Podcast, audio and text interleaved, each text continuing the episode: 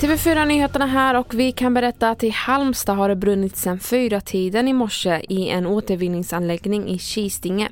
Och räddningstjänsten har utfärdat ett VMA, viktigt meddelande till allmänheten.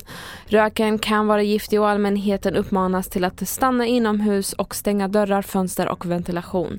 Släckningsarbetet beräknas pågå under hela dagen ganska omfattande brand som var eh, totalt okontrollerad till en början. Vi har egentligen gjorde något initialt släckförsök men sen har vi eh, egentligen bara ja, gått in för att skydda omkringliggande byggnader och sånt där. Då.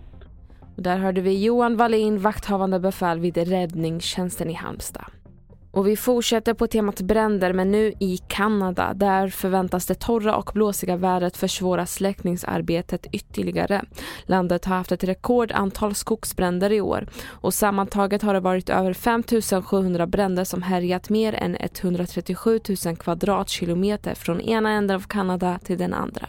Och slutligen kan vi berätta att två år efter The Wire-stjärnan Michael K. Williams avlidit så döms nu en man för att ha sålt heroin spetsat med fentanyl och därigenom ha orsakat hans död.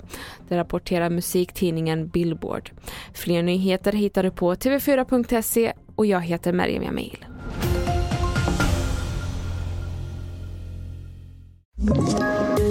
Poddtips från Podplay. I podden Något Kaiko garanterar östgötarna Brutti och jag, Davva, dig en stor dos skratt. Där följer jag pladask för köttätandet igen. Man är lite som en jävla vampyr. Man har fått lite blodsmak och då måste man ha mer.